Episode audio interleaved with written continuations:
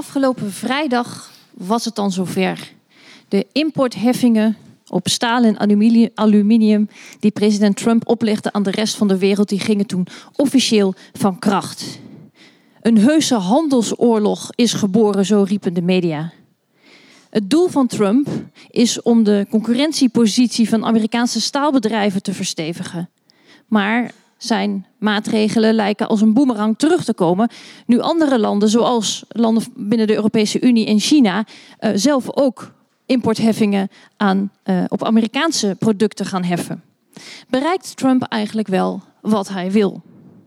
Nou, daarover gaat zo dadelijk filosoof Kees Leijenhorst in gesprek met econoom Albert de Vaal.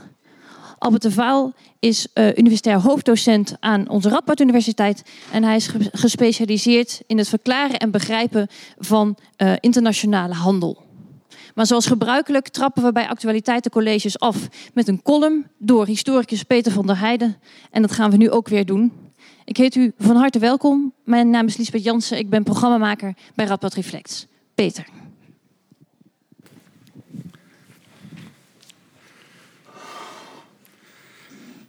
Eerlijk gezegd vind ik het nog wat overdreven om het verhogen van een paar tarieven meteen maar een handelsoorlog te noemen. Als die definitie klopt, dan zijn bijvoorbeeld Ziggo en de PTT al sinds hun oprichting in een handelsoorlog verwikkeld met ons, hun klanten, om over de Nederlandse spoorwegen nog maar te zwijgen. Maar goed, het gaat natuurlijk niet zozeer om de naam, maar meer om de inhoud. Hoewel, als ik de president van de Verenigde Staten zou zijn, dan zou ik wel mooi uitkijken om een handelsoorlog, of wat voor oorlog dan ook, te beginnen. Met heel veel fantasie zouden we de Koude Oorlog nog een door Amerika gewonnen oorlog kunnen noemen. Maar feitelijk is dat meer een door de Sovjet-Unie opgegeven conflict dan, eh, dan dat er echt iemand gewonnen heeft. De laatste echt door de Verenigde Staten gewonnen oorlog dateert alweer van een dikke 70 jaar geleden. En dat deden ze bepaald niet in hun eentje. En die oorlog werd ook nog eens opgevolgd door fiasco's in Korea, Vietnam, Afghanistan en Irak. Herinnert u zich George Bush nog en zijn mission accomplished momentje op het vliegtuigschip? Nee, Amerikanen en oorlog, daar is de glans sinds Normandië feitelijk wel zo'n beetje af. Maar goed, Trump begint dus een handelsoorlog. En dat begrip handelsoorlog wordt wat meer toepasselijk wanneer we kijken op basis van welke gedachten de importtarieven zijn ingesteld. Volgens de Amerikaanse president is het een kwestie van nationale veiligheid dat Mexico, Canada en de Europese Unie gaan betalen voor de export van staal en aluminium. Nationale veiligheid, daarom mag hij het eenzijdig doen zonder steun van het congres. En dat beroep op nationale veiligheid betekent dat Mexico, Canada en de EU dus feitelijk als de vijanden worden gezien van de VS. Mexico snap ik nog wel, gezien de retoriek van Trump. En dat wij gevaarlijk kunnen zijn, ja, dat is toch een hele eer. Maar Canada, Canada. Het grootste Canadese gevaar voor de veiligheid heeft niets met staal of aluminium te maken, maar is natuurlijk Justin Bieber. En die valt vrees ik niet onder de importheffingen. Daar wordt een flink muurtjes bouwen voor die Trump op deze manier. Niet alleen aan de zuidgrens met Mexico, maar ook dus aan de noordgrens met Canada, aan de oostgrens met ons en aan de westkant waar het vermalendijde China en niet te vergeten Noord-Korea huizen. Trump is Amerika zodanig aan het isoleren dat je mij absoluut niet wijs maakt dat hij niet in klimaatverandering gelooft.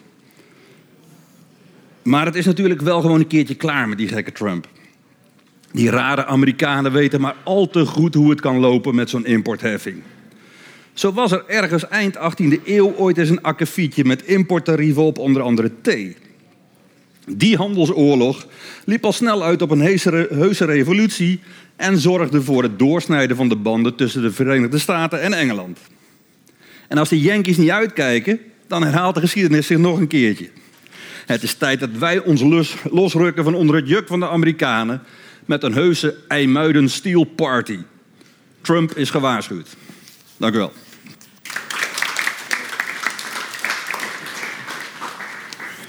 Ja, voordat die Steel Party uh, uitbarst, uh, uh, onze erecolumnist had er wat twijfels over de term handelsoorlog.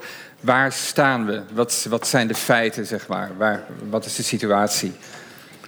Je bedoelt wat een, wat een handelsoorlog is. En, Die, en, en, en, of we erin zitten. Ja, een handelsoorlog uh, geeft natuurlijk, is eigenlijk gewoon wapengekletter met andere middelen. Dat zijn in dit geval uh, importtarieven. Um, en of het echt een handelsoorlog is, ja, op het moment dat natuurlijk de een zijn tarieven, zijn artillerie zeg maar opstelt en begint af te schieten. Dat is wat Trump gedaan heeft met het instellen van staaltarieven. En dat vervolgens de ander begint terug te schieten, zou je kunnen zeggen, met het heffen, het instellen van andere tarieven. En dat is wat de Europese Unie heeft aangekondigd te zullen gaan doen op goederen uit de Verenigde Staten. Mhm. De befaamde Harley Davidsons en, eh, en dergelijke. Pindakaas. Ja. Uh, pindakaas, ja, dat is wel dat is ernstig. Ja. Um, maar dat, dat is natuurlijk wat je zou kunnen noemen. Ja, daarom wordt het ook een oorlog genoemd. Het aardige is ook, het wordt een oorlog genoemd omdat blijkbaar het idee is dat handel dus eigenlijk wel goed is. Mhm. Dus als je dat tegengaat, dan ga je blijkbaar met elkaar in oorlog. Dat is mhm. wel een interessante gedachte.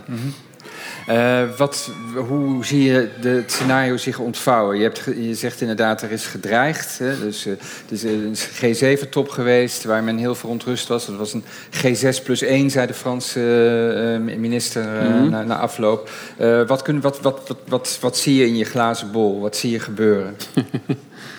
nou, dat zou jij misschien beter aan een politicoloog kunnen vragen. Want de economen hebben volgens politicologen nooit zoveel verstand van zulke zaken. Maar goed, eh, ik mag in de glazen nou bol Je bent nou eenmaal hier. Ja. ik mag in de glazen bol kijken. Ja. Um, nou ja, wat ik eigenlijk wel, wel mooi vind van de reactie van de Europese Unie... dat ze het eigenlijk via de Wereldhandelsorganisatie willen spelen. En dat is namelijk ook het platform waar je dergelijke dingen moet uitvechten met elkaar. Mhm. Het idee is namelijk, eh, de Wereldhandelsorganisatie is ooit ontstaan... om ervoor te zorgen dat landen in ieder geval hun handelsbeleid ten opzichte van elkaar gingen coördineren. Ja omdat het een, bekend, een bekende uitkomst is van, uh, van de speltheorie, het, het gevangene probleem, prisoners mhm. dilemma. Dat als je dingen ongecoördineerd doet, dat het wel eens tot een oplossing kan leiden, tot een, een uitkomst kan leiden die voor beide suboptimaal is. En dat geldt ook voor het hebben van invoertarieven. Dus die Wereldhandelsorganisatie is eigenlijk tot stand gekomen om ervoor te zorgen dat landen met elkaar in overleg gaan om samen ervoor te zorgen dat de tarieven in de wereld naar beneden gaan, zodat landen optimaal kunnen profiteren van elkaars kundigheid. Want wij zijn in het goed in het maken van standaard voorbeeld kaas, zou ik zeggen. Nou, de Fransen zijn goed in het maken van wijn. En wat heb je dan? Heerlijke kaas en wijn s'avonds. Op een goedkope manier dan als wij allebei kaas en wijn zouden gaan, gaan produceren. Dus dat is het voordeel van handel, zou je kunnen zeggen. Maar als je ongecoördineerd gaat nadenken over je eigen industrie en hoe je dat zou willen beschermen, dan vergeet je eigenlijk, ja, ik bescherm mijn kaasindustrie misschien voor Franse kazen, mhm, mhm. maar dan ontzeg ik mij wel de goedkope Franse wijnen. Ja. want die krijg ik dan ook niet. Dus als je dat gecoördineerd doet, heb je er beide voordeel van. Um, en daar is eigenlijk in die zin de WTO tot stand gekomen om met z'n allen, alle landen die erbij zijn aangesloten, om te gaan onderhandelen over het vrijmaken van, uh, van de wereldhandel. En dat is aardig succesvol geweest, kan ik je vertellen. Want de gemiddelde tarieven sinds het einde van de Tweede Wereldoorlog zijn uh, zijn gemiddeld genomen erg laag. Het mhm. verschilt een beetje per land. Maar je zou kunnen zeggen dat het ergens tussen de 5 en de 10 procent zit, mhm. terwijl het net na de Tweede Wereldoorlog zo'n 60, 70 procent gemiddeld was. Mhm. Dus dat is een aardig succesvol uh, traject geworden. En met name ook, en dat was saillant, uh, succesvol voor de Verenigde Staten. Want uh, natuurlijk heeft Trump tonnen boter op zijn hoofd. Als Amerikaanse president, als die zegt van ja goed, de wereld is tegen ons met hoge tarieven, China heeft hogere tarieven dan wij. Want je zou kunnen zeggen dat uh, de aanvoerder in het WTO-vrijhandelspact eigenlijk altijd de Verenigde Staten is geweest. Die altijd heeft gepleit om die tarieven naar beneden te krijgen. Waarom? Omdat het in hun voordeel van hun eigen industrie was. Want de rest van de wereld was een markt voor de innovatieve Amerikanen. Mhm. Mhm. Dus wat moet je dan voor zorgen? Is dat de tarieven voor jouw producten in de rest van de wereld gewoon zo laag mogelijk zijn. Nou, dat hebben ze keurig gedaan in allerlei rondes sinds eh, het begin van de WTO begint, ik noem het WTO, maar het is eigenlijk de GET vanaf 47. Mhm. Hebben ze keurig gedaan en daardoor zijn die tarieven nou hartstikke laag op de wereld. Dat was altijd ongelooflijk het voordeel van de, van de, uh, nou ja, de, de, industriële in de Verenigde Staten, zeg maar. Mhm. Het, uh, het politiek-industriële mhm. complex wordt het wel eens genoemd. Um, ja, en nu is het natuurlijk zo dat een deel van die productie opeens overgenomen wordt door landen zoals China. Ja, dan is het opeens niet meer goed, ja. vrijhandel. Ja maar, Maar hoe, um, hoe succesvol acht je na die gang via, via, via die uh, uh, WTO? Want oh, ja. Trump heeft het natuurlijk al eenzijdig afgekondigd. Dat was je vraag, sorry. Hij is, ook, nee, hij is ook niet zo erg van het samen. Hij is ook niet zo erg van nee, via internationale organisaties dingen doen. Nou ja, goed. Dus, dus uh, hoe, hoe zit het met die weg via die, via die WTO? Nou, de EU wil dat doen. Die wil eigenlijk gewoon kijken via de WTO spelen om terug te kunnen gaan slaan. Dat kan. Als een land opeens de tarieven weer verhoogt... dan is een van de afspraken van de WTO... dan mag je terugslaan. Maar dat moet je mhm. wel formeel dan via de WTO natuurlijk spelen. Trump had natuurlijk dat ook kunnen doen. Als Trump vindt dat hij oneerlijk wordt behandeld door bijvoorbeeld uh, uh, overheidsbeleid in China, waardoor uh, de, de, staalproductie in China ongelooflijk is, subsidies en dergelijke is gegroeid, waardoor de prijzen laag zijn en dat je het niet tegen de klippen op kunt concurreren als Amerikaanse producent. Ja, dan had hij dat via de WTO kunnen doen en countervailing duties kunnen vragen bij de WTO. Mhm. Alleen, ja, dat tweet niet zo lekker natuurlijk. Nee. Nee, en, en, en, en, en dus nu, het idee om het nu alsnog via WTO lijkt me... Nou ja, voor Trump doet dat niet. Nee, Trump die heeft gewoon, uh, het is net zo'n jongetje op de schoolplein die er eerst flink inbeukt en dan hoopt dat hij daarmee het gevecht gaat winnen. Ja. En uh, ja, de vraag is uh, of deze strategie hier ook werkt. Met Noord-Korea heeft het enigszins gewerkt, gek genoeg. Want er werd eerst enorm geboeid naar Noord-Korea. Vervolgens wilde Noord-Korea een gesprek. Vervolgens was het weer niet ver genoeg. Nu komt er weer een gesprek. Mhm. Maar bij de EU zou hij zich wel eens uh, danig verrekend kunnen hebben, omdat de EU eigenlijk niet van zins is om nu pas te gaan onderhandelen. Die hebben gezegd, ja, we willen in aanloop naar wat je ons uh, voorstelt om te gaan doen, willen we best eens gaan kijken in WTO-verband naar de tarieven op bepaalde producten in de mhm. wereld en dergelijke. Mhm. Maar ik heb niet het idee, tenminste, als ik de reacties zie, dat ze erg onder de indruk zijn en het alsnog gaan doen. Dus ik weet niet of die strategie voor hem gaat lukken. Nee, dus die moeten we misschien een beetje laten. Hoe zit het met, uh, met de effecten? Uh, pindakaas gaat een euro duurder worden, Levi's, Harley Davidson's. Eh, maar, maar is er meer dan dat? Uh, nou, eerst maar even over of producten echt veel duurder worden. Dat hangt natuurlijk heel erg af van, uh, van de concurrentiepositie van ook lokale bedrijven die dat maken. Mhm. als het alleen maar Amerikaanse bedrijven zijn die pindakaas produceren, dan zou dat kunnen. En anders zou het wel eens kunnen zijn dat de Amerikaanse producent zeg maar, feitelijk tegen een lagere prijs gaat aanbieden... om toch concurrerend te kunnen blijven op de Europese markt. Mhm. Bovendien is het zo dat als je een tarief heft, is een algemeen effect dat als gevolg daarvan de, de prijs van het goed de wereldmarkt doorgaans zal dalen. Dus mhm. als je een 10% tarief heft, dan zou je verwachten, nou, dan wordt de binnenlandse prijs 10% hoger. Dus dat betekent dat eigenlijk onze lokale producenten een prijsvoordeel van 10% hebben. Maar als tegelijkertijd die wereldmarktprijs, dus aan de grens de mhm. prijs daalt, omdat er opeens een overaanbod is van pindakaas op de mhm. markt, mhm.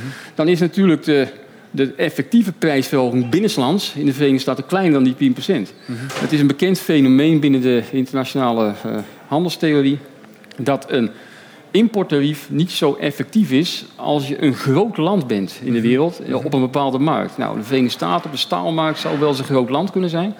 Dus als zij 25% tarieven gaan heffen, zou het wel eens kunnen zijn dat het effectief misschien een 10, 15% uh, binnenlandse prijsverhoging daar tot gevolg heeft. Mhm. Nou, dat is nog steeds een prijsverhoging. En uh, ja, het is, is, goed nieuws voor de staalindustrie. Mhm. Mhm. Tenminste, mits ze die staal kunnen produceren natuurlijk. Hè, dat is ook nog een puntje. Uh, maar voor de afnemers daarvan, noem het maar de consumenten... maar dat zijn vaak ook weer andere Amerikaanse bedrijven... is dat natuurlijk heel slecht nieuws. Dat is ook weer een bekend feit uit de handelspolitieke theorie. Ik bedoel, een tarief is goed voor de producenten die beschermd worden, maar het gaat ten koste van de consumenten of de afnemende uh, industrieën. En dat, dat brengt meteen op de vraag waarom. Hè? Dus uh, uh, laten we er even van uitgaan dat, dat Trump dit doet for, for a reason en dat, dat hij daar een goede reden voor heeft. we zagen de stijl, op het filmpje de staalarbeiders om hem heen staan, dus retorisch doet het het natuurlijk heel goed. Maar er is waarschijnlijk meer aan de hand. Waarom doe je zoiets? Waarom ga je überhaupt dit soort heffingen uh, doen? Nou ja, ik, kijk, het was een verkiezingsbelofte. Ja.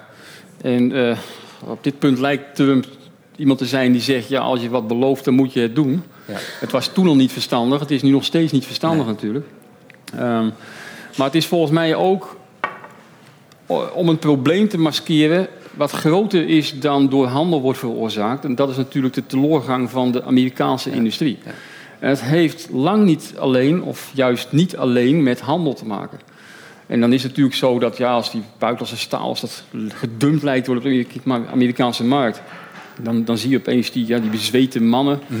Eh, ook nog witte mannen vaak natuurlijk in blauwe ja. overal. Ja. derde precies een constituency is Trump-foto's. Ja, de Trump-foto's. Um, maar het is natuurlijk vol, volstrekt... Uh, oh, dan ben ik naar het punt kwijt. Waar ging ik heen? De kat dus, over staal. Over staal dus het waarom. Hè? Dus het er oh meer, meer onder zit dan alleen. Uh... Ja, het dieperliggende probleem, die teloorgang, heeft niet alleen met handel te maken, maar ook te maken met verdergaande mechanisering en robotisering feitelijk. Ja. En dat betekent ook dat bepaalde type banen onder druk komen te staan. Ja. En dat zijn met name juist ook weer niet altijd blue-collar workers, maar juist het middenkader tegenwoordig. Mm Daarbij komt dat handel niet meer zo simpel is als het uh, zeg maar 100 jaar geleden was. 100 jaar geleden was het zo van we maakten een product, dat werd helemaal in elkaar gezet en dat verscheepten we, 50 jaar geleden was het trouwens ook nog zo, dat verscheepten we naar de rest van de wereld. Tegenwoordig zie je eigenlijk global value change. Dat betekent eigenlijk dat verschillende onderdelen van het product, denk aan de, de iPhone, dat wordt op verschillende plekken in de wereld wordt dat gemaakt. En dat wordt dan op een gegeven moment op één moment wel in elkaar gezet en naar consumentenmarkten uh, verscheept. Nou, wat betekent dat? Dat betekent op dat moment dat bepaalde delen, onderdelen van die chain, worden uit Amerika verplaatst naar andere landen.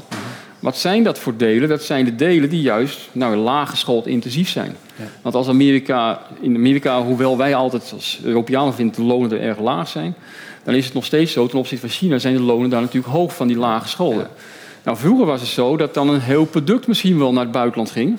Daar zaten dan taken in die lage scholen werden gedaan door het middenkader, door hogescholen. Maar nu is het zo dat vanwege moderne technologieën het een deeltje daarvan eigenlijk kunt offshore aan het buitenland kunt brengen. Nou, dat zijn natuurlijk met name de lage school intensieve delen van de productie. En dat betekent eigenlijk dat de effecten voor die lage scholen van handel eigenlijk groter zijn geworden. Mhm. En daarnaast ook nog eens een keer van het, voor het middenkader en dergelijke. Dus dat betekent dat op die manier je eigenlijk denkt... Van, ja, we gaan bepaalde type banen verliezen. Maar dat zou dus... Dus dat, dat ligt eronder, de teleurgang, Amerikaanse staalindustrie... überhaupt de Amerikaanse maakindustrie een beetje wel... Uh, in bepaalde, bepaalde gebieden. Dit, dit lijkt niet te gaan helpen uh, daar, daarvoor. Op het filmpje werd ook al duidelijk... wordt ook al gezegd, de Amerikanen kunnen heel veel van die staalproducten... want staal is niet zomaar staal ook meer. Nee, dat is het. is heel, heel gedifferentieerd. Dat kunnen ze helemaal niet zelf maken. Dus het is niet zo dat met deze maatregelen ineens de, de industrie weer, weer beter gaat. Dus dan blijft de vraag, waarom dan? Is het echt alleen maar voor de bühne? Nou ja, kijk, um, ja, God, voor de, voor de bühne. Ik, uh, hij wil gewoon winnen. Mm -hmm. Ik denk dat, dat Trump heeft een idee dat, uh, dat, dat, een land een bedrijf is. Mm -hmm. En Trump die vergeet eigenlijk dat als je met elkaar handelt, dat dat niet betekent dat als ik exporteer en jij importeert, dat jij verliest. Mm -hmm gek genoeg, het is eigenlijk, als je er goed over nadenkt, zijn de, welvaartswinst van handel zit eigenlijk in de dingen die je importeert. Want die worden beter, slimmer, goedkoper gemaakt in het buitenland. En je hebt je exporten nodig om ervoor te betalen, feitelijk. Hè? Dat is een beetje het idee. Kijk, als je er zo tegenaan kijkt, dan wordt het een heel ander verhaal natuurlijk. Mhm. Dus wat dat betreft denk ik eigenlijk dat als je het vanuit een handelseconomisch perspectief ziet, dan zie je eigenlijk handel als een positive sum game. Als je het vanuit een business perspectief ziet, als een ondernemersperspectief, dan ben je met elkaar in concurrentie. Mhm, mhm. Dus dan wil je marktaandeel van elkaar afsnoepen. Mhm, en ik denk dat Trump, gegeven zijn achtergrond, vooral zo denkt en een land ziet als een bedrijf. En dan denkt, ik moet een concurrentiestrijd aangaan. Ja. Nou, hoe doe ik dat dan? Dat doe ik in dit geval met tarieven. Ja. En voor de rest is er heel veel politiek zitten natuurlijk. Maar het is dan wel ongelooflijk korte termijn. Omdat de lange termijn gevolgen, wat zeg je net ook, die zouden wel eens nadelig kunnen zijn voor, um, voor, ook voor het publiek. En dat zijn toch de mensen die op hem moeten, moeten stemmen. Hè? Dus is dit, is, dit, is dit dan heel erg korte termijn geredeneerd? Of hoe, hoe moet ik dat zien? Nou, je vraagt me nu eigenlijk om. Uh het gedrag van de Amerikaanse kiezer, uh, zeg maar, om dat te interpreteren. Nou, nee, maar dat is eigenlijk dat is een beetje lastig, want er zijn wel meer dingen gebeurd waarvan ik denk van, nou, ik snap niet dat mensen nog überhaupt op die bestuur hebben kunnen stemmen. Dus ik heb niet het idee dat, uh, dat dit hem tegenwerkt. Ook niet als er andere effecten zijn. Ik denk dat mensen, misschien de Verenigde Staten, vooral het idee hebben: oh, er staat hier een sterke leider. En er zijn problemen met de maakindustrie. Hij heeft een vijand buiten ons land gevonden. Mhm. En dan staat een natie al gauw verenigd achter een president. Of het nou een echte oorlog is of een handelsoorlog. We pakken iemand aan, dat is toch duidelijk buiten, ja duidelijk buiten onze schuld. En dat is denk ik een beetje het idee wat erachter zit. Is dat ook de retoriek van de, überhaupt de term handelsoorlog? Dat valt mij zo op. Van, uh, de vraag van, zijn we nou in een handelsoorlog? Uh, je had het al over, het is een oorlog met, met, met dan zeg maar vreed, vreedzame middelen. Maar het, eh, het, is altijd goed voor, zeker van een Amerikaanse president, om mm. in oorlog te zijn. Dan maar een handel, handelsoorlog. Hè? Zit, zit dat ook een beetje in de retoriek van die term handelsoorlog? Ja, nou is het niet zo dat handelsoorlog nu uitgevonden is. Dat is al als er gesproken wordt over landen die, uh, tarieven ten opzichte van elkaar verhogen, wordt het altijd, ook in de literatuur gewoon al gezegd, een trade war. Trade war ja. En dat dat slecht is voor de wereld en voor beide landen enzovoort is evident, mm zeg maar. Dus het is niet zo dat het nu... Maar ja, goed, ik vind wel, wel een mooi punt wat je maakt. Dat je zegt van ja, voor een Amerikaanse president is dat wel een mooie term om te gebruiken natuurlijk. Ja. Je bent in oorlog, dus dat betekent dat er een, een vijand is. Ja. En dat idee dat slaat misschien wel aan bij het electoraat van Trump. Als we even naar andere gevolgen. Dus gevolgen, je, had het, je hebt het gehad over uh, internationale organisatie. De WTO die probeert die tarieven op elkaar af te stemmen. Een beetje uh, dat in, vrede te doen. Um, wat zouden wat langere termijn gevolgen kunnen zijn voor inderdaad de, de, de balans, de, de, de, wereldhandel en de manier waarop landen, waarop blokken daar te, tegenover elkaar staan. Ik ga zo meteen ook vragen naar de gevolgen voor de EU. Maar laten we het eerst eens hebben over de internationale constellatie. Nou, de WTO staat er wat langer onder druk, omdat eh, de laatste ronde die is opgestart van uh, multilaterale uh, vrijhandelsbesprekingen in de slop zit, al, al 20 jaar ongeveer, is de Doha-ronde. Um, en je ziet al steeds meer dat landen eigenlijk op andere manieren toenadering zoeken om uh, onderlinge handel vrijer te maken. Uh, TTIP is daar bijvoorbeeld een voorbeeld van. Hè? Dus de Europese Unie, even gek, de Verenigde Staten en, en dergelijke. Um, en bij de, de WTO gaat eigenlijk, zou je kunnen zeggen, een beetje onder aan het succes. En uh, in die zin dat ze zijn heel erg succesvol geweest in het afbreken van de invoertarieven.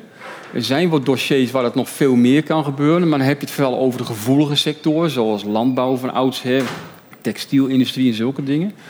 Um, maar over het algemeen zijn de tarieven dus erg laag. Ik zei al, gemiddeld genomen zo'n 5 tot 10 procent of zo. Dat wisselt een beetje per product, productgroep. Um, dat betekent dus dat er niet zoveel voordeel van verdere vrijmaking van handel meer te behalen is. Nee. We zijn er al in zekere Er zijn er wel studies gemaakt van wat gebeurt er nu als al de resterende tarieven nou eens naar nul zouden gaan. Nou, dan was de welvaartswinst eenmalig was dan hooguit 0,7, 0,8 procent van het wereld-GDP. Mhm. Dat is een sloot met geld, maar percentueel dus bijna niks. Hè? Nee. Dus dat is heel weinig. En dan kun je afvragen, ja, maar je weet ook allemaal dat als je handel gaat liberaliseren, dat er effecten zijn voor bepaalde groepen in de samenleving die wat minder zijn. Het land als geheel gaat er vooruit, maar sommige groepen gaan op achteruit. Ja. wil ik de politieke kosten maken om dat geringe gewin te krijgen? Dus dat, dat speelt eigenlijk op de achtergrond van waarom die WTO niet zo ja, niet voortkomt eigenlijk. Dus landen gaan wat meer in handelsblokjes onderling. Uh, de Europese Unie breidt uit. De Verenigde Staten onderhandelt natuurlijk nu over NAFTA en dergelijke mm. weer. Maar je ziet overal van die regionale handelsovereenkomsten uh, ontstaan. Die vaak ook verder gaan dan alleen vrijmaken van, uh, van handel met tarieven. Die vooral kijken naar de niet-tarifaire barrières. Dus over het gelijk maken van regelgeving. Want daar is eigenlijk de meeste winst nog te maken. Mm. Dat het stopcontact in de Verenigde Staten bij spreken hetzelfde is als in de Europese Unie. Ja tegenwoordig is het allemaal al opgelost bijna. Maar, dat, één keer, maar goed, je snapt dat daar door verschillen in, verschillen in standaarden... dat er nog veel kosten aan uh, mee gemoeid zijn. Mhm. Maar ja, dan kom je wel, en daarom wordt het ook wel lastiger om op die punten het vrij te krijgen, want ook, er zit ook weer politiek kosten aan. Denk maar aan de chloorkip. Opeens heb je het idee van, oh jee, ze komen aan onze manier van leven, van dingen organiseren. Terwijl het misschien heel nuttig is, economisch gezien, om het gelijk te stellen. En dan weet je allemaal, ja, misschien moeten we nou maar de milieunormen van Californië gebruiken in plaats van die van de Verenigde Staten als het over dieselmotoren gaat. Mm zulke dingen. Maar tegelijkertijd is het wel zo, ja, maar wie zijn zij om te bepalen hoe wij onze regelgeving instellen? Dus dat wordt, dat, daarom ligt TTIP ook zo gevoelig op dit moment. Mhm, mhm. Maar goed, het WTO raakt dus in slop. En ik zeg altijd, dat komt een beetje door zijn eigen succes. Er is al zoveel vrijgemaakt, dat verdere vrijmaking ja, zoveel weerstand we niet. Ja, en we zien de effecten en de voordelen niet meer zo, zo goed ziet eigenlijk. Dat is de WTO, dan de Europese Unie. De uh, Europese Unie lijkt uh, verbazend uh, één te zijn. de doodzaaie Juncker doet zijn best om heel krijgshaftig over te, over te komen en zo. Um, Europa lijkt zich economisch en politiek een beetje te vinden in deze, in, in, in deze organisatie. Is misschien zelfs een positief effect. Hoe, hoe, hoe zie je dat? Nou ja, ik zolang het duurt, zou ik zeggen. Want kijk, eh, wat, wat natuurlijk de Europese Unie gaat proberen is om bepaalde staten waar, het, waar, waar Trump uh, zijn electoraat zit aan te pakken. Mhm. Zo zal Trump natuurlijk het ook vervolgens omgekeerd kunnen gaan doen. Mhm. En als hij dan bijvoorbeeld invoert tarieven op auto's gaat heffen, dan weten we allemaal dat bepaalde staten binnen Europa daar erg veel ellende van. Vijf kilometer naar het oosten. Ja, precies. Je, niet, uh, je, je, ziet het hier vandaan liggen. Ja. Um, en dan is de vraag natuurlijk uh, of die eenheid bewaard blijft. Mm -hmm. um, kijk, voor een land als Nederland is het natuurlijk uitermate logisch dat wij zijn gebaat bij vrijhandel. De westerse wereld is ontiegelijk groot voor ons. Voor andere landen is dat wat minder zo. Maar wij hebben ook niet echt hele grote industrieën dat je denkt van nou ja goed, hè, als dat, uh, dan, dan, valt echt alles weg onder Nederland. Mm -hmm. Maar voor Duitsland, als de auto-industrie er gepakt wordt met een belangrijke afzetmarkt in de Verenigde Staten. En dan gaat van 25% op. Ja, dat vinden ze niet leuk, denk ik. En ja. dat, zou de, dat zou dan weer tegen de eenheid binnen de Europese Unie gaan. Ja. Maar so far, so good. Ja, maar wat verwacht je? Maar wederom, ik vraag je voortdurend dingen te doen die je misschien niet wil. Hè? Dus in je glazen bol. Oh ja. Um, nou ja, hier, daar kan ik eigenlijk weinig over zeggen wat ik verwacht. Ik, ik bedoel, dat, dat is nou precies een... Dat is eigenlijk tot nu toe ook met Trump en zo. Je hebt geen idee hoe de hazen lopen. Dan denk je eigenlijk dat je weet hoe het een beetje werkt. En vervolgens slaat hij weer ja, eigenlijk linksaf ja. of rechtsaf. Ja. Je dat verwacht had. Dus dat, dat kan binnen de Europese Unie ook anders zijn. Maar het uitspelen van lidstaten uh, uh, tegen elkaar door een activistische Amerikaanse president is mogelijk. Mm -hmm. Mm-hmm. Dus en als het mogelijk is, dan zal hij dat in zijn idee om te willen winnen, mm-hmm. zal hij dat ook gaan toepassen. Ja, en daar liggen genoeg breukmogelijkheden. Ja, dus denk ik wel. Over de Duitse auto-industrie versus andere landen waar dat minder belangrijk Angela Merkel op een gegeven moment waarschijnlijk zeggen... ja goed, we gaan niet reageren. Ja. Want anders gaat de kosten van. En dan, uh, ja... Ja. Ik had nog wel een vraag over. Um, we hebben het uh, in de gevolgen over Europa gehad. Uh, je hebt zelf inderdaad een paar keer China uh, gehad. Is er niet iets schimmigs aan deze oorlog? Want het begon inderdaad aan, aanvankelijk met. ging het ook over het Chinese staal. Trump had het, die, die, zijn eigen wolkenkrabbers bouwt met, met, met inderdaad Chinees staal. En daar, daar mm -hmm. ging het allemaal op. Ineens is die focus ja, inderdaad meer, meer op Europa. Hoe, hoe, hoe, zit dat eigenlijk? En hoe zit het ook in, in, die, in die driehoek Europa, China, Verenigde Staten? Hoe, hoe, hoe, hoe, hoe zie je dat? Nou ja, gevolg van, uh, van dit gedoe uh, zou kunnen zijn dat de Europese Unie juist wat meer richting China uh, trekt, richting het oosten in plaats van richting het westen. Dat zie je ook op andere terreinen natuurlijk wel, wel een beetje spelen. Dat het Noord-Atlantische verbond zeg maar, toch een beetje onder, onder druk ja, staat om, ja. om wisselende redenen. En dat wij ons misschien uh, ook wel langzamerhand uh, wat meer richting het oosten gaan, gaan richten. En misschien is dat ook niet onverstandig, want ook voor Europeanen is dat een grote markt. Ja. En als de Amerikanen niet meer zo vriendelijk zijn naar ons toe, zoals ze dat altijd waren, maar misschien is dit een tijdelijk fenomeen ja. en over drie jaar is dat niet meer zo, dat ja. zou kunnen. Uh, dan is het misschien verstandig om ook eens de andere kant op te kijken. Niet alleen naar het verre oosten, misschien ook naar het nabije oosten. Ik zou ook nadrukkelijk eens het ligt gevoelig in Nederland, weet ik, maar naar Rusland ja. kijken. Ja. ja, dus het zou kunnen dat daar toch. Uh, ja, dat wel ontstaan verschuivingen uit. Die, die kant op gaan. Als iemand altijd onvriendelijk tegen je is, dan ga je automatisch eens kijken of die vijand voor jou toch wat minder onvriendelijk is ja, geworden. Ga met die buiten spelen, zeg maar. Ja, ja absoluut.